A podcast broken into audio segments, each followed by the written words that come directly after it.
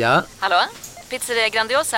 Jag vill ha en Grandiosa capriciosa och en pepperoni. Haha, något mer? Med kaffefilter. Ja, Okej, ses samma.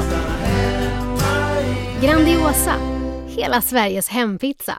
Den med mycket på. Dagens vinnarprognos från Postkodlotteriet. Postnummer 65209, klart till halvklart och chans till vinst. 41101, avtagande dimma med vinstmöjlighet i sikte. Övriga 10 500 postnummer, soligt och möjlighet att vinna. Oavsett när sommaren kommer till dig så kan du och dina grannar få dela på 48 miljoner i sommaryran. Ta chansen nu i maj på Postkodlotteriet.se. Åldersgräns 18 år. Kontakta stödlinjen om du eller någon anhörig spelar för mycket. Just nu till alla hemmafixare som gillar Julas låga priser. Ett borr och bitset i 70 delar för snurriga 249 kronor. Inget kan stoppa dig nu.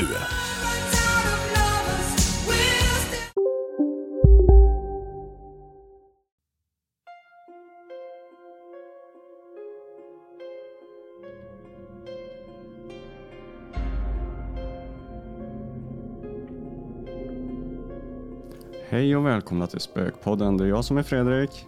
Och det är jag som är Oskar. Sitter vi här igen och grejar och mojar. Mm, Moja, ja. Det är ganska kul faktiskt. Vi har ju lagt bort det där med att eh, och det är vi som är spökpodden. Vi satt eh, här runt köksbordet hemma för eh, någon kväll sedan och eh, lyssnade på alla failsen vi hade gjort faktiskt för att vi inte aldrig någonsin, någonsin synkade ju. Ja, vi kanske får göra en sån eh, fails avsnitt och släppa på nyår. Jag vet inte om vi har sparat alla dem, men det är klart, eh, det går ju att gå in på alla avsnitten och klippa och klistra om man vill. Men det, det är ett eh, härligt jobb det. det är ju det. Nej, så det är kul. Så vi la ju det åt sidan i alla fall så att jag tror att det, det räcker med att vi säger att det är jag som är Oskar och det är jag som är Fredrik. Ja, jag tror det. Vi vet ju att det är vi som är Spökpodden. Mm, du vet det. Ja, jag vet det. Vi har ju något eh, spännande avsnitt, eller spännande, det är ju någonting som vi alla människor har förmodligen haft någon gång. En magkänsla, intuition, eh, någonting som har eh, kanske sagt till oss att man inte ska göra, man får dålig känsla av någonting. Så det är egentligen det lite grann vi ska prata om idag ju. Precis, sjätte sinnet. Eh, Det, har du sett filmen Sjätte sinnet förresten? Ja, Six Sense. det var bra. The? Six Sense. Ja, jag vet inte. Men det är Mel Gibson va? Nej, nej, Nej. Bruce Willis. Bruce Willis är det, just det. Jag blev ju spoilad till den filmen. Jag hade ju sett fram emot att se den och så min närmaste kompis då, han spoilade hela slutet och egentligen hela meningen med filmen och det var lite tråkigt tycker jag. Ja, det är väldigt tråkigt. Och det är väl den med den lilla pojken va? Mm, I see dead people. Precis. Den, den eh, repliken tror jag alla har hört. Mm. Har man inte det? I see dead people. Är inte det ganska läskigt typ, så här, om du hade haft eh, egentligen då? Vi, vi, vi snackar ju tillbaka till eh, 90-talet tror jag, början 2000-talet kanske den här filmen gjordes, jag minns inte riktigt. Och då var ju inte det här med det egentligen, eh, prata om det mediala var ju absolut inte på samma sätt som det är idag ju. Eh, Nej. vad hade du gjort om dina, ditt barn hade sagt så? I see dead people, Fredrik. Ja, men jag kan ju faktiskt berätta då helt apropå. Eh, Eftersom du frågar Du det. är pojken i filmen. Ja, det är jag som är pojken i filmen. Nej, det är det inte. Men eh, ett utav mina barn, eh, när han var, vad kan han ha varit? Två, tre år kanske, tre och ett halvt någonstans där. Och detta var i ett hus som jag bodde i, ja, det är en bra stund sedan då eftersom mina pojkar är lite äldre nu. Men i alla fall. Så, eh, och det här var faktiskt vid jul. Eh, nå- någon gång i december var det, kanske 4, 5, 6 december. Och eh, hans julkalender var borta. Vi kunde inte hitta den. Och så frågade vi honom då, vad, vad, vad har du gjort av julkalendern? För alla andra barnen hade ju sina. Och då sa han så här att, men det är ju hon, den mörka damen, eller om hon sa damen med det mörka håret som har tagit den. Läskigt. Ja, och sen, jag menar, tre och ett halvt år. Chokladjulkalendern borta. Va? Ah, va? Så länge alltså? Ja, det, det är svinlänge sedan han var tre och ett halvt år ungefär. Ja, okej, ja. Ja, han var tre och ett halvt år. Eh, och han nämnde inte det. Och de andra öppnar ju sina chokladkalendrar varje morgon. Men han, nej men hon, hon med det mörka håret hade ju tagit den. Och sen så var det typ, för jag tänkte, ja det är ju någon av de andra ungarna som har snott den jävla kalendern och så käkar de dubbla choklad varje morgon. Men eh, sen hittade jag julkalendern kanske i ja, januari, februari, alltså, jag vet inte. Det var i alla fall en bra stund senare. Och då var, då var alla chokladbitar kvar utan typ de fem första då. Jaha. Vad läskigt ändå. Då var det inte så att han hade ätit upp dem och ljugit om att han hade liksom. Nej, och han gnällde inte på att han skulle ha en ny heller. Och det tyckte jag, det var ju det konstigaste. Men det är det som är eh, spännande med sånt där med barn och, och det här med eh, att se saker. Jag kommer ihåg, vi hade ju en övervåning i ena huset vi bodde i och eh, där var Colin ganska liten och där sa han att han hade en, en kompis, Albin hette han, bodde under sängen. Och eh, nu säger jag att det, att det var så att, att han såg honom eh, nu när han är lite äldre. Men eh, då var det att han sa att det var hans låtsaskompis. Men jag tycker det är lite läskigt det här med låtsaskompisar och så vidare. Jag tycker det är lite, lite scary. Ja, för de är ju inte på låtsas. Men de är ju säkert inte det. Nej, men det kan det inte vara. Det måste vara energi, precis så som medium och, och andra och även vi får ju till oss saker ibland. Och man går in i, kanske går in i ett hus och känner att fan, här är en läskig känsla här inne i huset. Och så kanske det har varit skilsmässa eller det har varit mycket bråk i det huset. Man känner det sitter nästan i väggarna att här, här mår man inte gott om man bor där Men man känner ju sånt i väggarna ganska direkt. Om du kommer hem till någon allmänt, bara knackar på som du ska dit och, och så har det varit något tjafs mellan några i huset. Du känner ju den energin redan att det är något som stämmer inte. Det är någonting som, du känner inte typ så här, ja fan jag borde inte vara här idag. Det är någonting, de har nog tjafsat precis. Ja, det. det. Mm. Och det är så, åh, kommer du ihåg när vi var, var på Rosendal? det huset, det hade fan creepy energi Jäklar. Ja, ja. Apropå det så kan man ju faktiskt gå in på vår YouTube-kanal och eh, se när vi var där. Vi var där med mediumet eh, Anna Strandlind och eh, rensade det huset för energier och allt möjligt. Så att, gå in och se den om ni vill känna på bad vibrations. Det blev ju mycket lättare sen. Precis. Eh, jag tycker det är superintressant med det ämne vi kommer att prata om idag. Ju. Det är ju, vi har ju lite olika saker att berätta och du har ju lite mer information egentligen vad, vad räknar man och så vidare till eh, det här mm. känslan, mm. magkänsla, intuition och så. Du får gärna berätta om det. Jajamensan, jag läser till lite här då. Att intuition kommer från latinets intueri som betyder åskåda, se på eller betrakta. Intuition är förmågan att bilda en omedelbar uppfattning eller göra en omedelbar bedömning med medvetande utan att ta, ha tillgång till alla fakta och ställs ofta i motsats till att resonera och förstå logiskt. Inom filosofin kan intuition betyda en ingivelse, en omedelbar men livlig uppfattning, företrädesvis av det osynliga.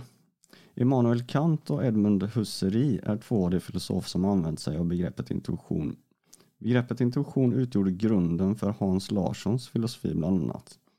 Eh, och sen så begreppet kan användas även vardagligt om förebud eller nyckliga infall. Men sen så kommer vi till en lite spännande grej här och det är yrkesmässig intuition. Det finns ju flera, man kan ju dela upp intuition i lite olika kategorier. Eh, och eh, om vi går till sjukvården så kallas det faktiskt för den kliniska blicken Eh, sen så eh, tulltjänstemän och vissa andra yrkesgrupper, till exempel eh, sådana som sitter i pass, passtjänstemän kanske det heter. Det är yrkesgrupper som använder intuition snabbt för att bilda en uppfattning.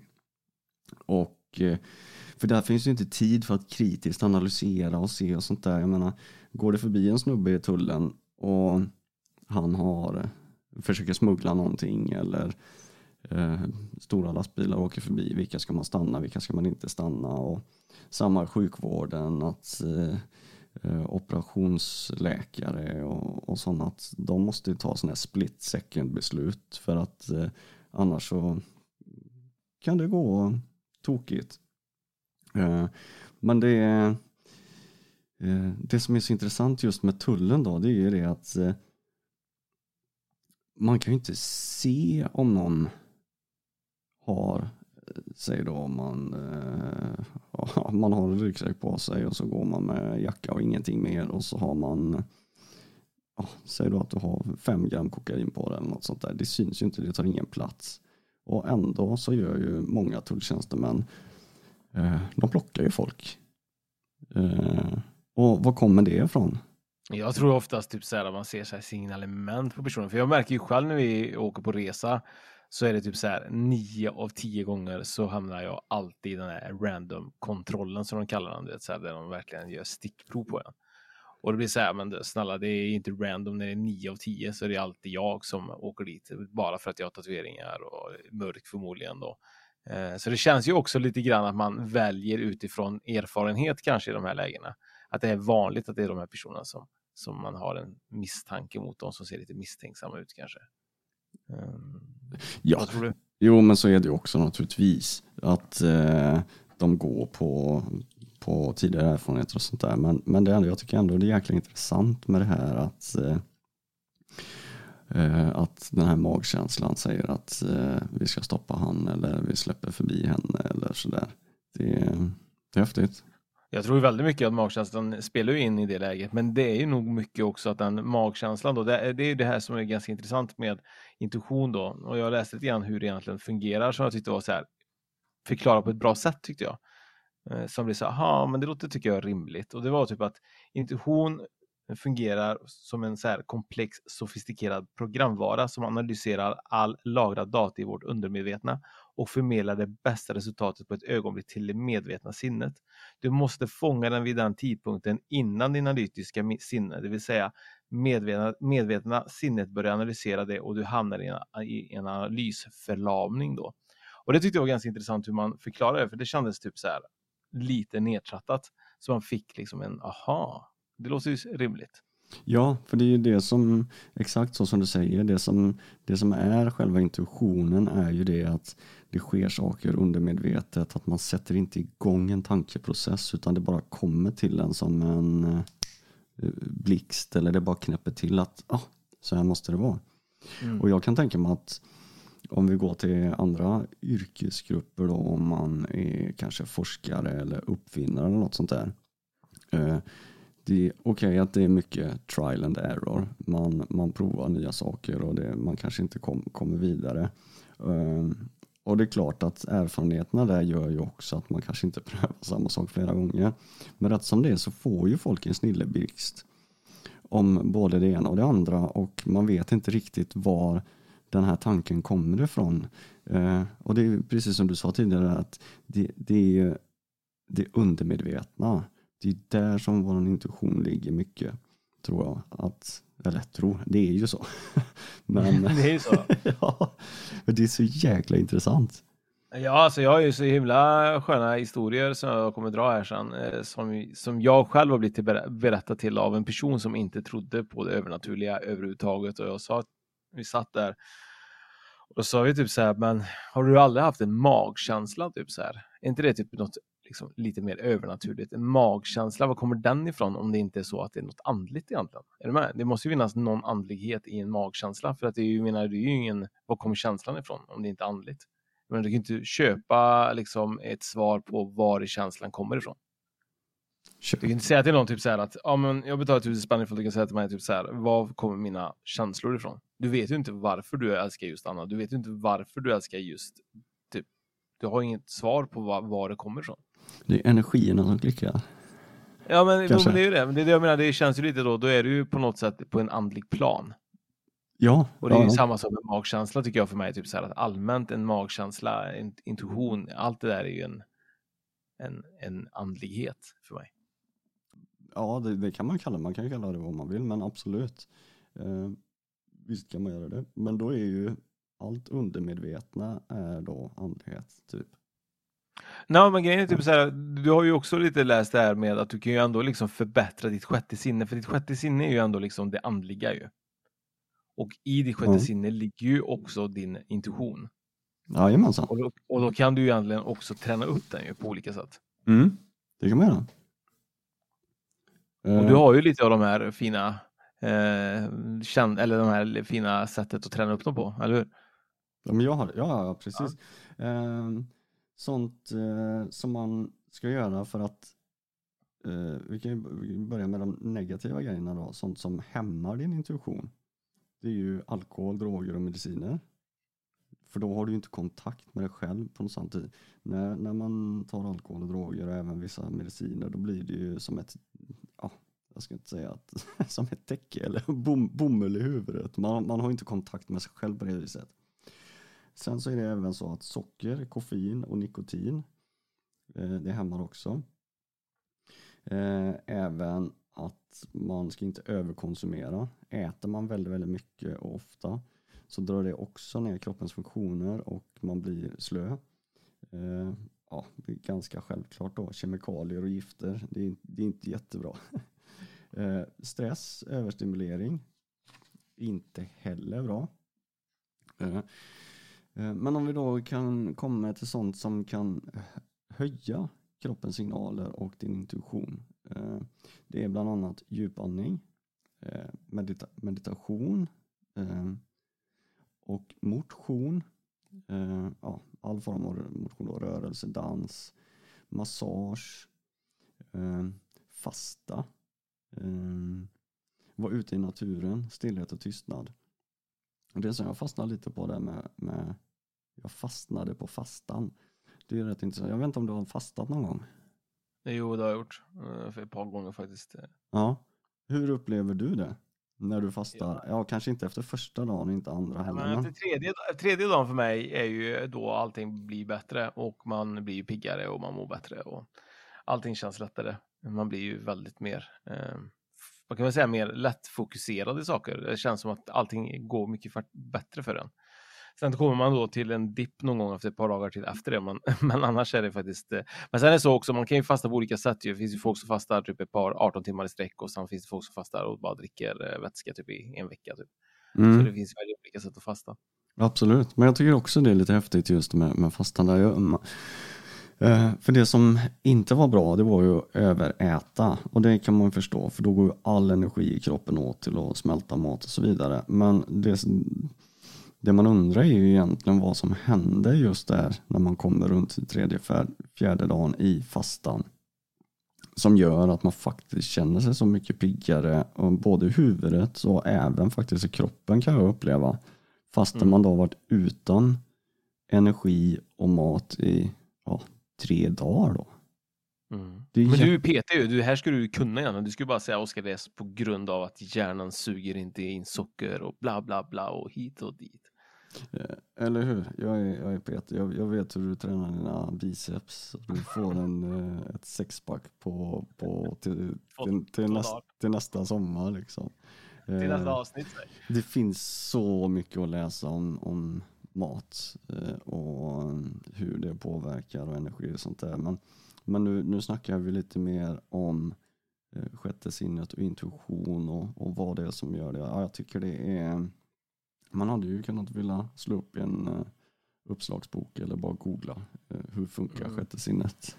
Men det är ju ganska intressant för du sa ju, snackade om meditation och så och oftast är det ju så att det räcker ju att meditera ungefär 10 minuter varje dag för att du ska kunna liksom hamna i den här lugnat och avslappnade situationen där du, där du verkligen känner av att du kan börja nå din inre röst. Ju. Ja, ja, det krävs inte eh, långa stunden. Och jag vet för alla er som har en eh, Apple Watch då, där har du något som heter mindfulness i den och den känner ju av emellanåt när man eh, är uppe i varv eller sådär så då blinkar den eh, eller den ger ifrån sig ett vibration på armen och så säger den att du, nu kanske det är dags att stanna en minut och djupandas lite grann. Det är lite mm. häftigt. Men det är ju det, du snackar ju om naturen där också. Jag tycker också det är alltså någonting för mig, är det, alltså jag är konstigt men naturen, alltså det låter jättekonstigt men naturen kallar på mig. Alltså den, varje gång jag är vid, åker bilväg eller jag känner verkligen känslan hur den kallar på att jag måste vara där. Det är typ så här, jag känner en längtan jag aldrig gjort i mina yngre år. Men nu har jag en jättestor längtan av att bara sitta på en stubbe bara och bara vara, känna, lukta, vara.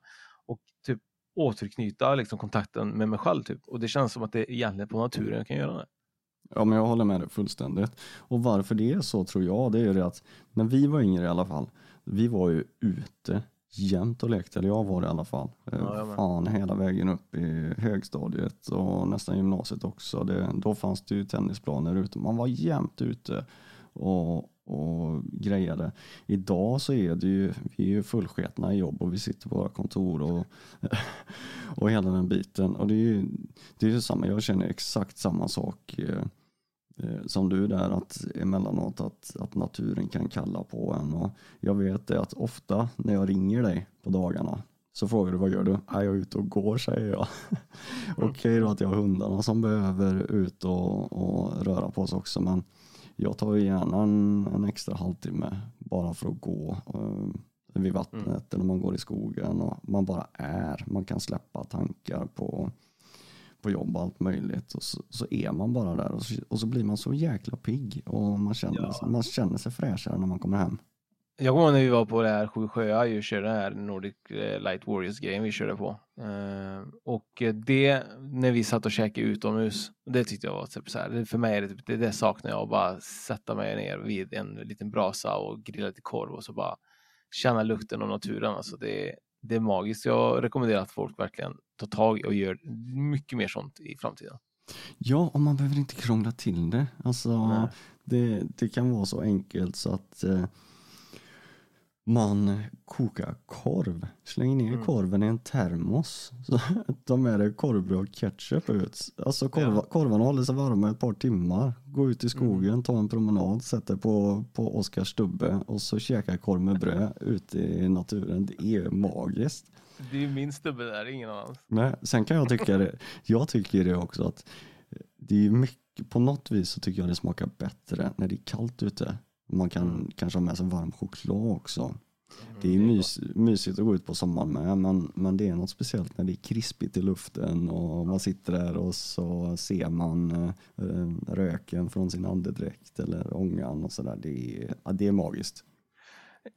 och om vi går tillbaka lite grann till det du berättade lite grann också, det som eh, hur man kan göra så finns det också, vad jag har förstått, så kan man faktiskt också vara, vara någonting man gör är att skriva ner sina drömmar tydligen. För att eh, oftast är det så att drömmar kan vara tecken på något som snart kommer hända i ditt egna liv. Och drömmen spelar in i ditt undermedvetna när du sover och det kan kopplas till ditt, till liv allmän, i allmänheten då. Och eh, det viktiga är då att man skriver då vad man har drömt varje morgon och då kommer det hjälpa dig förstå vad som händer i ditt sinne och även göra din intuition starkare. Ja, så är det.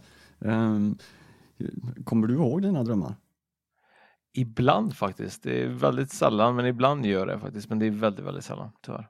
Det är väldigt sällan jag kommer ihåg det också. Men jag vet inte om det är om det är vissa perioder i livet som man, som man drömmer mycket. Men då upplever jag att det är typ när man, när, när man har väldigt, väldigt mycket runt omkring sig. Um, jag, Men man drömmer nog mest när man har mest, tror jag. Så har det nog varit för mig, alltså när hjärnan egentligen. Jag borde ju egentligen drömma väldigt mycket, för jag har väldigt mycket runt omkring mig. Men konstigt nog så, så är det vissa perioder, tror jag, som jag drömmer mer. Ja, för det är väl vad jag har förstått också så är väl det ett sätt för kroppen att eh, bearbeta och bena ut saker som har hänt för att ja, reda upp saker på något vis. Sen är det ju jäkligt spännande med drömtydning också, men det ska vi inte gå in på här idag nu, men, men eh, det, det, det, får bli en, det får bli ett annat avsnitt. Det får ju bli det. Sen hittade jag någonting som jag tyckte var väldigt intressant. Jag, aldrig, jag hade personligen inte hört talas om det här ordet som heter tra, trataka. Har du hört talas om det? Jag vet inte om det heter likadant på svenska eller inte. Men... En gång till, vad hette det sa du? Trataka. Trataka. Trataka? Nej, det känner jag inte igen så här på raken. Det är också ett, ett sätt för att väcka ditt sjätte sinne då. Men hur gör man då? då?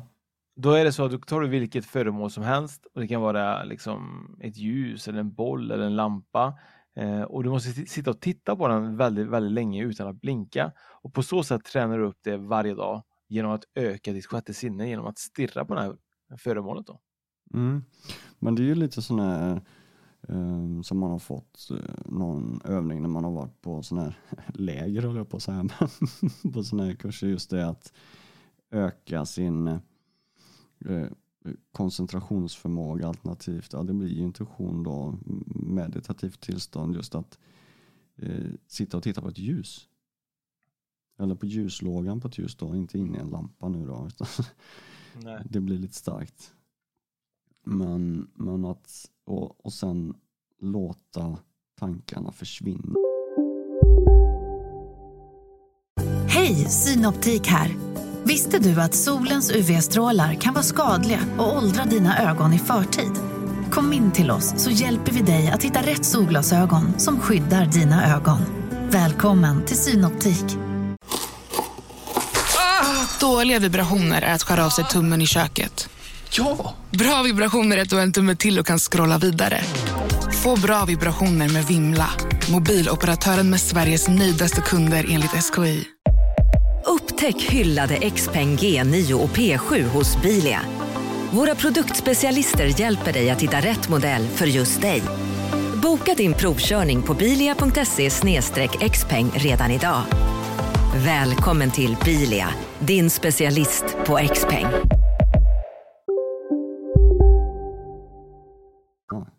Så att man kopplar på det undermedvetna på något vis. Och det kan jag tänka mig är väldigt mycket typ att koppla bort. Det är väl det som är egentligen grejen. Då. Men jag tänkte jag skulle berätta faktiskt om eh, två grejer. Men jag tänkte jag skulle börja med eh, Det är nämligen så vi var gäster för ett, eh, en annan podd innan du började Fredrik. Och eh, då var det så att den här podden heter Poddjuntan och de tjejerna som är där, de var inte så speciell eh, typ troende på när det gäller det alternativa och det andliga och så vidare. Och då ställde jag frågan om hon hade någonsin haft en magkänsla. och eh, hon eh, sa faktiskt, jag bara, men det har jag faktiskt. Och när du väl säger det till mig nu så har jag faktiskt aldrig någonsin tänkt på att det kanske var någonting andligt över eller övernaturligt. Eller, men nu när jag börjar tänka på det så kanske det var det, sa hon. Så här. Och då berättade hon den här historien att när hon var ganska ung då, vid 20-årsåldern, så hade hon och några vänner åkt till USA och backpackat då. Och eh, när man backpackar så är det oftast att man inte kanske har supermycket pengar, man har oftast en budget för att göra saker och så vidare. Och en av de här grejerna var ju att det skulle vara så att de skulle åka till Grand Canyon, det var verkligen det de hade bestämt att göra då. Och det är väl någonting man brukar göra när man kanske åker just längs den kusten. Och um, när det väl kom fram då till den här bussen, de hade väl betalat en, jag vet inte hur många hundra dollar per person då, så fick hon bara en jättekall iskänsla i magen att hon absolut inte skulle gå på den här bussen. Det var verkligen så här att nej, jag går inte på den här bussen. Och hennes vänner bara, men sluta skärp dig, vi har betalat pengar, vet, så här, vi måste verkligen åka nu, vi ska till Grand Canyon. Och bara, nej men det går inte, det är typ, jag får jätteont i magen och det är som att jag inte kan gå in. Hon bara, det hon förklarade, det var som att det var någon som stod för öppningen av den här bussen och bara, du går inte på liksom. Och efter många moment då så bestämde de sig typ så här, nej men vi åker inte om du inte åker. Uh, vi har åkt dit tillsammans, vi, vi ser till att göra grejer tillsammans då. Så de åkte hem och ingenting med det. Och sen så på morgonen då så satte de på nyheterna på, eh, på tvn, eh, på hotellrummet eller vad det var.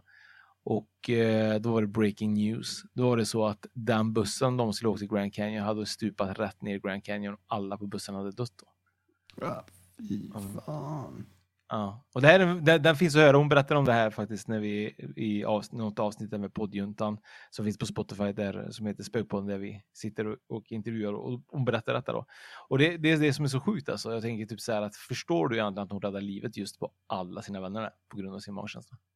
Ja, ja, det förstår jag verkligen. Och det är det man tänker bara. Hur, ja, hur, hur kommer det till en? Alltså vilken intuition man har eller den känslan som man får då och sen, sen bara det att hon faktiskt lyssnade på den magkänslan och den, den, det som hon fick till sig där att nej, det, det här kommer inte bli bra om, om vi åker. För sånt eh, så, så har man ju fått sådana känslor själv många gånger, magkänsla att nej men ja, jag gör det då och så blir det inte så bra. Men det, man dör ju kanske inte för det varje gång men, men det, det, det, det, här var ju verkligen uh, ja, ett tecken.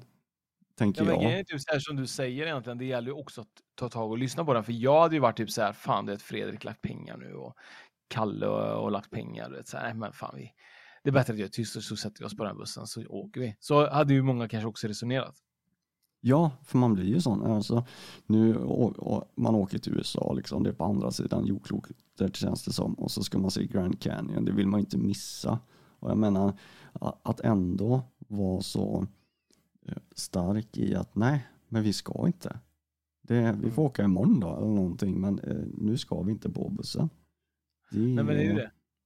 Och, och, det är, och det är tur, och jag menar om inte det hade varit så så hade hon ju inte suttit idag och kört eh, just den podden. Och, och hon hade ju faktiskt aldrig ens tänkt på att det var kanske typ ett sjätte sinne eller intuition. Hon hade ju aldrig ens tänkt den tanken. Hon eh, bara kom på den medan vi pratade och jag tror att det är många människor som sitter så oftast inte förstår typ att det här magkänslan är ju oftast liksom någon inom dig, ditt inre jag, ditt undermedvetna som, som kanske har då analyserat alla de här grejerna snabbt som fan i ditt huvud.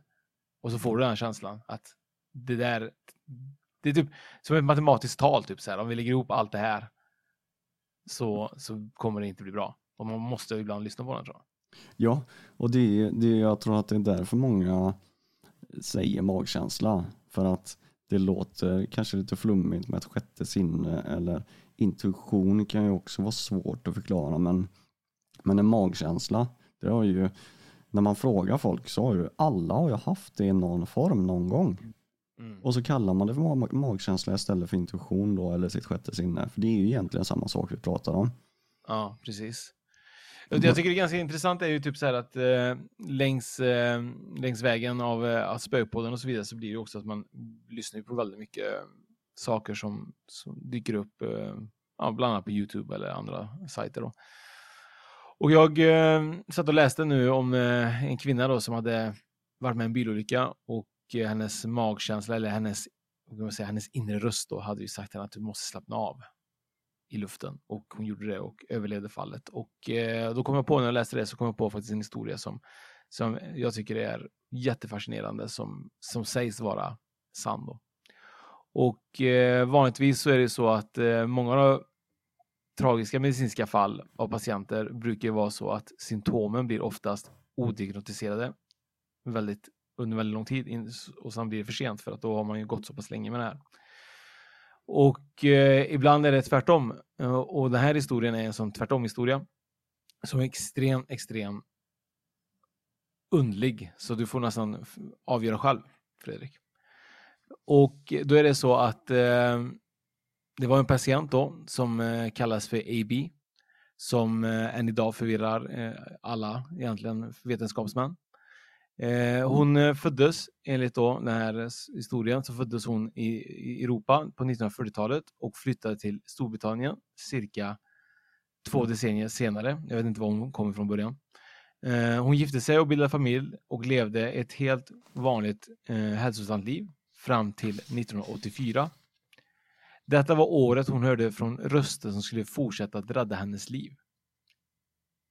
I dokumenten som finns då om det här fallet så redovisas att AB hade legat och läst en kväll på vintern 1984 när hon hörde en röst i sitt sinne och inte en röst som lät som henne då. Rösten hade sagt Snälla var inte rädd. Jag vet att det måste vara chockerande för dig att höra mig prata till dig så här. Men det är det enklaste sättet jag kan tänka mig. Min vän och jag brukar arbeta på barnsjukhuset på The Great Ormond Street och vi skulle vilja hjälpa dig. A.B. blev skakad av upplevelsen och besökte sin läkare och hon blev remitterad till psykiatrisk behandling. Flera veckor senare hade rösterna inte återvänt och A.B. tog en lugn semester. Rösterna var dock inte klara med henne än. När hon var ute i landet, ute i landet hörde hon dem igen. Den här gången bönföljde henne att återvända till London eftersom hon förmodligen hade en medicinskt problem som behövde lösas utan dröjsmål. När de kom tillbaka till landet hade till och med de förmedlat en specifik adress för att hon skulle få besöka. Den här adressen visade sig vara till ett sjukhus i London och AB fick rådet att rösta att be om en hjärnscanning. Hon hade en tumör, fick hon veta, och en inflammerad hjärnstam. Hon var skeptisk, liksom sjukhuspersonal, eftersom hon inte hade några symptom alls. Men den dyra behandlingen ordnades ändå. Visst, upptäckte, sjuk, visst upptäckte sjukhuset en hjärntumör och det akuta ingreppet genomfördes utan problem. Innan läkarna kunde ha vetat innan, innan läkarna kunde ha vetat, innan AB själv kände det, så hade hon redan fått de här mystiska rösterna att berätta för henne att det var någonting som inte stämde för henne och varnade henne. Hur var detta möjligt då? För att efter operationen, när operationen var klar då, så är det så att hon får ett sista meddelande. Vi är glada över att vi har hjälpt dig. Med detta tog för, rösterna farväl och AB har aldrig hört från dem igen. Den här fascinerande berättelsen som skiljer sig något beroende på vem som berättar den, men den har viss trovärdighet eftersom den förmedlades av en doktor som heter Ikeshuvo Anuzoyoni i British Medical Journal, det är att säga. Så att man tror oftast att det här inte är en folklegend eller ingen creepypasta på grund av att det är just en läkare som har gjort detta och undersökt henne också. I Schweiz 2017 rapporterade en kvinna också då i slutet av eh, hennes 40-årsålder då, att hon hade hört röster från ovan och bad henne offra sig själv genom en gudomligt offer. Att hon skulle vara ett gudomligt offer då. Under dessa instruktioner knev hon sig själv flera gånger. Vid en granskning av unika oroande fallet har psykiatrer kommit fram till att en tumör som växer på hennes hjärna hade påverkat att hon hade då påverkat hennes huvud och då hört dessa röster. Beroende på vilken region av hjärnan som påverkas kan patienten höra röster, ibland under långa perioder och i levande detaljer. Den här kvinnan rapporterade att hon hade hört dessa gudomliga röster tidigare under sitt hela sitt liv, vid 13, 23, 32 och 41 och upplevde en ökning av religiös känsla varje gång. När hon återhämtade sig från den skada fick hon en MR-undersökning som avser en mycket långsamt växande tumör som hon hade haft sedan barndomen.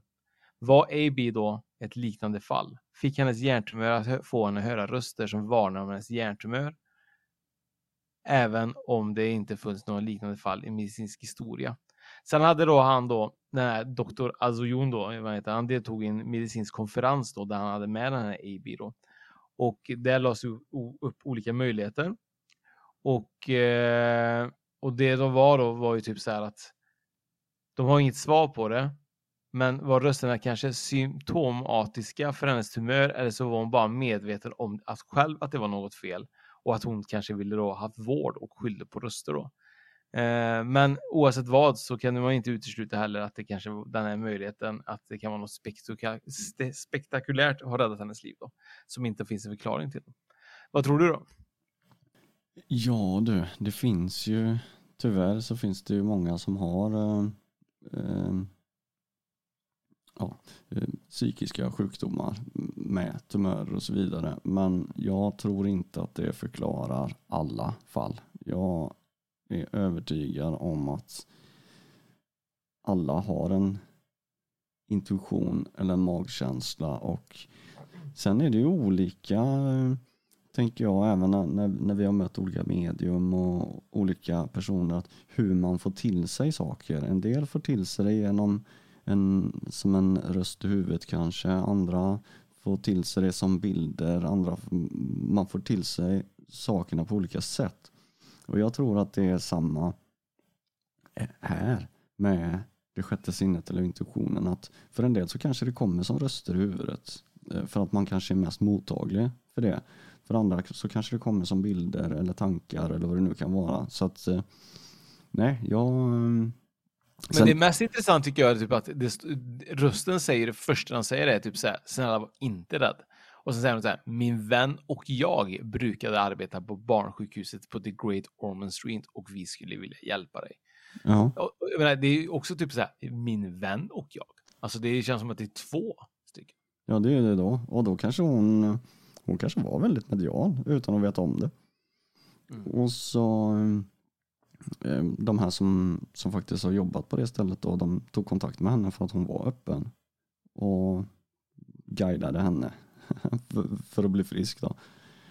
Um, så det, men det är ju så, det är lite, lite grann så också. Jag vet inte om, om det var så eh, om du tänker tillbaka på när dina barn var mindre, när de var små.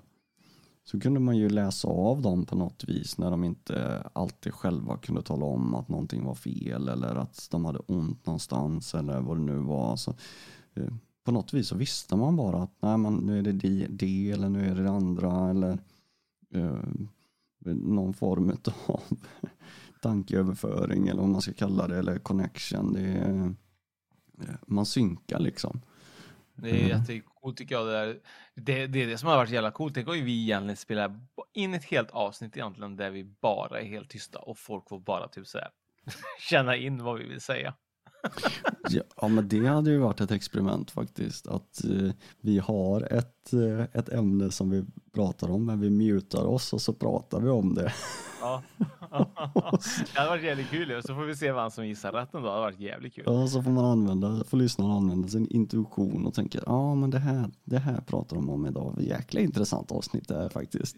Jävligt bra ju. Ja. Nej, så, så tycker jag är intressant. Jag tycker allmänt eh, just det här med telepati som du var inne på, det tycker jag så här, eh, det är ju så coolt. Och det som jag tycker är ännu coolare, det är verkligen så här att man kollar på en dokumentär om eh, olika fiskar och så vidare, så var det någon eh, någon slags val, men det var inte, ja det var någon val, jag vet inte riktigt vilken val det var. Och eh, de har tydligen någon sån här brummande eh, ljud när de kommunicerar och det låter som en eh, jättestark motorsåg under vattnet.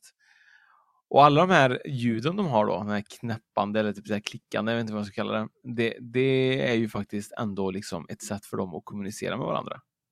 Och att de har byggt ett språk, djuren, på det sättet. Allmänt, alla djur tror jag, mer eller mindre, förstår ju varandra. Så att det tycker jag är super, super intressant. Hur fungerar det? Ja, för det är ju eh, exakt som du säger, många djur jobbar med, eller kommunicerar ju med telepati. Det, det tror jag, jag är helt övertygad om det. Um, för de, de, har ju, de har ju inte det språket som vi har djur. Sen klart som de här valarna som du berättar om dem, men det är ju i alla fall ett läte. Men om man ser på många kattdjur och, och även andra djur.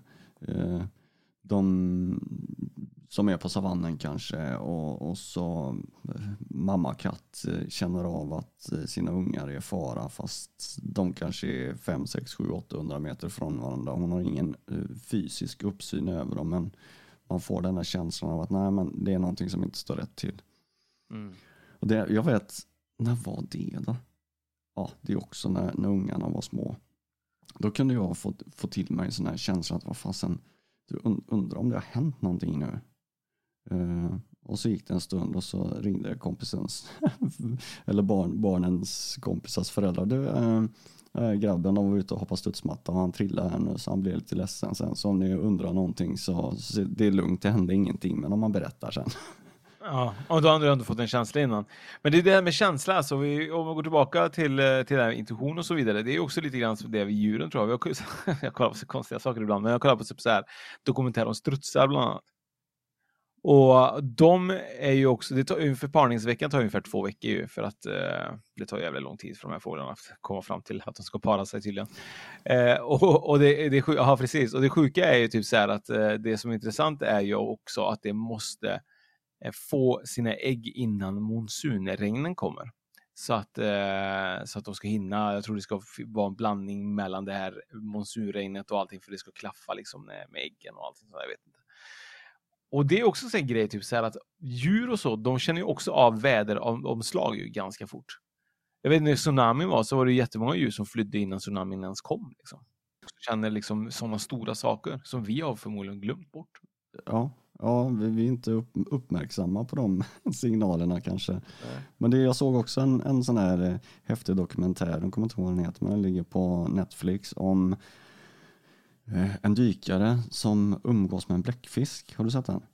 Nej, jag vet vilken det är, men jag har inte sett den. Ja, nej, det är ju, jag tror det är under ett helt år så dyker han ner till den här bläckfisken och eh, de får ju någon form av kommunikation med varandra och han hjälper ju den vid något tillfälle när den, eh, den blir av med en arm eller något sånt där. Det är någon krabba som, som käkar upp eh, någon arm och håller på att dö, den här bläckfiskhonan. Och han hjälper den och att bläckfisken känner av att han är där för att hjälpa. Och... Han känner av det, att han egentligen är god menar du? Ja, precis. Ja. Eh, och de får ju ett riktigt häftigt förhållande. Eh, till varandra. Den, den kan jag rekommendera, den dokumentären. Den är superspännande. Det som är intressant när vi börjar snacka om bläckfiske är ju, det är ju liksom, kommer du ihåg den bläckfisken som heter Paul? Han som gissade rätt på alla VM-matcher i Sydafrika 2010. Nej, det har jag missat. Jaha. Eh, lever, lever han fortfarande? Jag, eh, jag tror att han dog faktiskt 2010 tror jag. Aha. Eh, men eh, jag tror han dog då efter fotbolls-VM. Han blev så himla trött då. För fotbolls-VM var ju i Sydafrika 2010 då, då under sommaren. Eh, och, sånt där. och eh, jag tror att han dog typ 2010 till på, i oktober. Och sånt där. Och eh, då var det så att bläckfisken skulle ju då välja mellan olika flaggor. Det var typ så här, typ, ena flaggan var Spanien, andra flaggan var Tyskland till exempel. Och eh, då skulle den välja då, och när den valde Paul då så var det, visade det sig att han hade alltid rätt. Den flaggan han valde så blev, han ju, så blev det ju rätt då, så folk var ju helt lyriska. De tippade ju efter matchen efter den här Paul bläckfisken då. Och eh, han lyckades tippa rätt på Tysklands samtliga sju matcher. Och eh, han lyckades även tippa rätt i VM-finalen mellan Holland och Spanien. Eh, så att eh, och sen då blev han ju skämsamt utpekad som syndabock då för att eh, han hade tippat på den här spanska segern och så kanske det var därför han gick och tog livet av sig. Men, men det är ganska, det är ganska intressant. det var därför han gick och tog livet av sig. Stackarn. Ja, men det är ganska intressant det du sa då med bläckfisken. De kanske har en väldigt stark intuitionskänsla. Ja, de har ett jäkla sjätte sinne de. De är, de är ju ruggigt intelligenta bläckfiskar. Ja, de är väl det. De är ja. en av de mest intelligentaste djuren som finns då, har jag förstått. Ja, delfiner vet jag också är klassade som väldigt intelligenta. Mm. Mm. Men de känns som de har verkligen ett sinne och bra kommunikation. Ja, men de kommunicerar via sonar och sånt va, typ? Ja. Eller sådana här ultra... Ljud också. Ja. Mm. Exakt så låter det. Tänkte, eh, om vi går tillbaka lite här då. Vet du varför vissa har bättre intuition än andra? Alltså rent spontant skulle jag väl säga egentligen är väl att man har oftast kanske just att man har ett eh, högre Alltså ett högre medvetande. Man kanske är ute i naturen mer. Man kanske är en sån människa som är lite mer så, tänker jag, men jag kan ju ha helt fel. Ja, men det, det är en del av det. Men om man ska ta det absolut kortaste svaret på den frågan så är det för att vissa personer har mer kontakt med sina känslor och sin kropp än andra och är bättre på att tyda dess signaler. Och alla människor föds med intuition som ett, det är en naturligt medfödd egenskap. Men precis som att vissa föds med mer musikalisk begåvning än andra så kan vissa också ha starkare tillgång till sin intuition. Och det är ju vår uppväxtmiljö som påverkar och utvecklar detta. Och precis som du säger, man har varit mycket, mycket ute i naturen och, och haft en, en lugn miljö runt omkring sig och man har haft föräldrar eller vuxna förebilder som faktiskt har låtit dig ta egna beslut och inte curlat fullständigt. För det, det handlar ju där om att våga lita på sig själv och sin egen känsla. Eh, så att eh, om man har gjort, jag vet inte om, om det ligger någon vetenskaplig forskning bakom det här, men man vet ju det att människor som har haft ett tryggt, eh, eller barn som har haft ett tryggt när de har vuxit upp är ju ofta betydligt lugnare och säkra på sig själva och lita på sig själva jämfört med barn som, som växer upp i en om, omgivning med motstridiga budskap och eh, typ sådana här tveg, tvegat eh, föräldrar som säger någonting men visar någonting helt annat i, i kroppsspråk och så vidare och så vidare. Eh, så att eh, ja, det, det Så trygga miljöer gör i alla fall ett eh, ett, positiv, eh, ett positivt sätt i alla fall att börja med. Som barn då, förstå. Absolut. Och sen är ju barn är ju i re regel mycket eh, de, har, de, de dömer ju inte sig själva eh, så som vi vuxna gör. För när, när, man är vuxen så har man ju en, en föreställning om hur saker och ting ska vara och är. Eh, medan ett barn tar ju till sig det som den får utifrån via signaler och från, från vuxna och omgivningar och även ifrån sig själva. Och låter man dem då eh, faktiskt få stå för det här eh, så bidrar det till att man får en bättre intuition och ja, kanske en bättre självkänsla också såklart. Jag tycker vi ska skaffa ett barn ihop, Fredrik, så vi kan faktiskt låta den göra exakt vad den vill. Då får vi se vad som händer om tio år. Han eller hon skulle bli så jäkla bortskämt.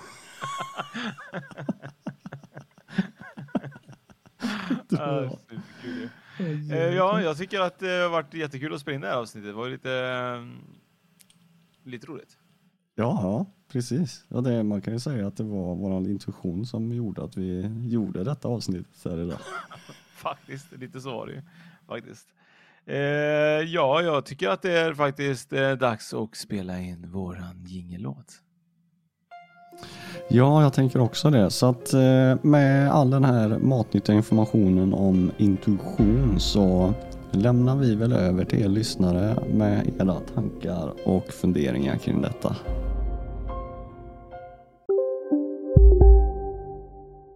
Psst! Känner du igen en riktigt smart deal när du hör den? Fyra säckar plantjord för 100 kronor. Byggmax. Var smart. Handla billigt. Välkommen till Unionen. Jo, jag undrar hur många semesterdagar jag har som projektanställd och vad gör jag om jag inte får något semestertillägg? Påverkar det inkomstförsäkringen? För jag har blivit varslad, till skillnad från min kollega som ofta kör teknik på möten och dessutom har högre lön trots samma tjänst. Vad gör jag nu? Okej, vi tar det från början. Jobbigt på jobbet. Som medlem i Unionen kan du alltid prata med våra rådgivare. Finns det något bättre än riktigt gott färskmalet kaffe på morgonen? Det skulle väl vara en McToast med rökt skinka och smältost. Och nu får du båda för bara 30 kronor. Välkommen till McDonalds.